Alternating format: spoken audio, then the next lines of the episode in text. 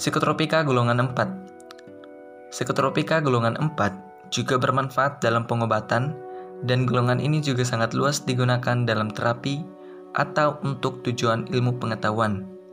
Ini karena psikotropika golongan 4 memiliki potensi ringan untuk menyebabkan ketergantungan.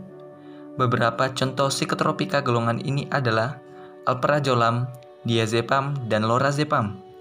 Masih ada golongan psikotropika lainnya yang tidak berpotensi menyebabkan ketergantungan. Golongan ini umumnya dikategorikan sebagai obat keras.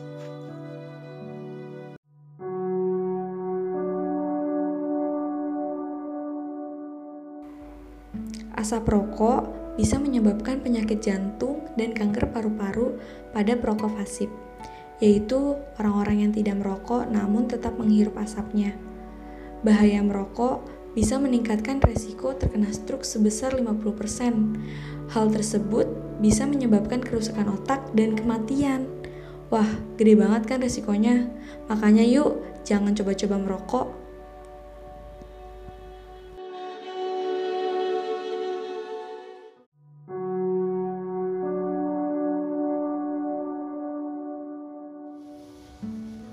Nah, gengs, masih ada contoh lain loh di zat adiktif, yaitu minuman keras dan alkohol.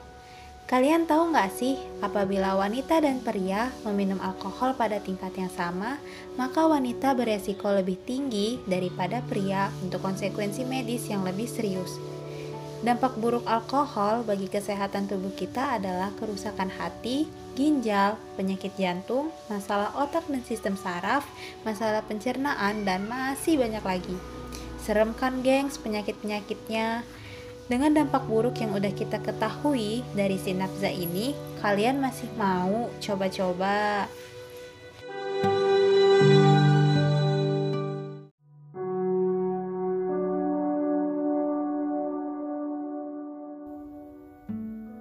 Nah, kali ini aku mau membahas tentang langkah-langkah untuk mengatasi kecanduan narkoba. Simak ya guys empat langkahnya. Adalah pemeriksaan. Pemeriksaan dilakukan bukan hanya dengan dokter loh, tetapi juga dengan terapis. Pemeriksaan ini bertujuan untuk mengetahui sejauh mana sih kecanduan yang dialami dan ada atau tidaknya efek samping yang muncul pada diri pemakai. Jika si pemakai mengalami depresi atau bahkan gangguan perilaku, maka terapis akan menghilangkan efek tersebut, lalu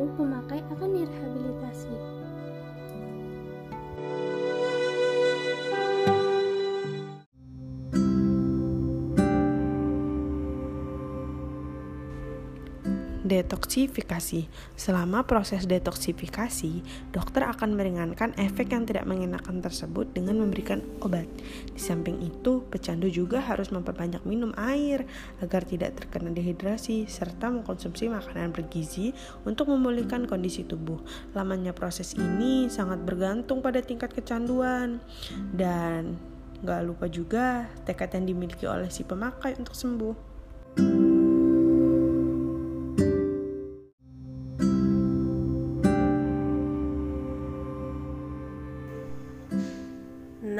Setelah proses detoksifikasi berhasil dilakukan, selanjutnya dokter akan menerapkan tahapan stabilisasi. Tahapan stabilisasi inilah yang bertujuan untuk membantu pemulihan jangka panjang dengan memberikan resep dokter.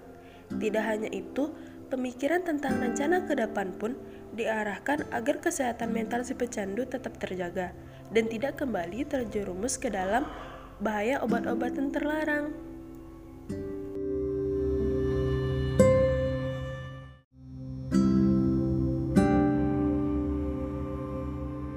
Setelah proses stabilisasi berhasil, maka tahap selanjutnya adalah pengelolaan aktivitas, yaitu bagi pecandu yang sudah dinyatakan sembuh akan keluar dari rehabilitasi dan akan menjalani kehidupan normal. Diperlukan pendekatan dengan orang terdekat, seperti keluarga dan teman, agar mengawasi aktivitas mantan pemakai tersebut. Tanpa dukungan penuh dari orang sekitar, keberhasilan dalam mengatasi kecanduan obat terlarang tidak akan berjalan dengan lancar.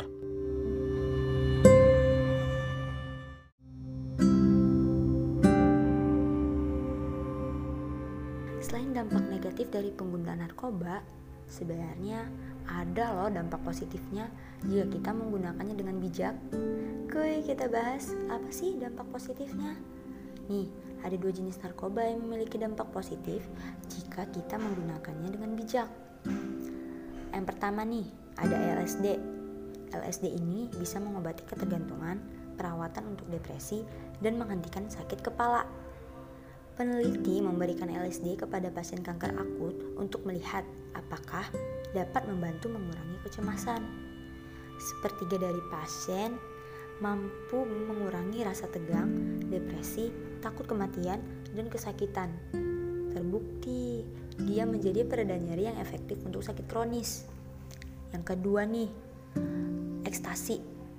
Ekstasi juga memiliki dampak positif loh. Yang pertama, mengurangi kecemasan, yang kedua, meringankan gejala Parkinson. Yang ketiga, perawatan untuk post traumatic stress disorder atau PTSD.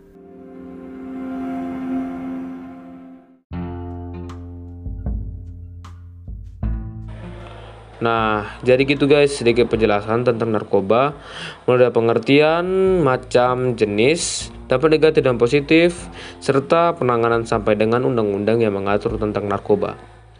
Semoga kita dapat paham dan mengerti bahaya narkoba ya guys. Sebuah pesan dari kami, jangan pernah ya guys untuk mendekati narkoba. Dan juga jangan pernah terpintas di pikiran kita sedikit pun untuk menyicipi narkoba. Ntar bakalan kecanduan loh.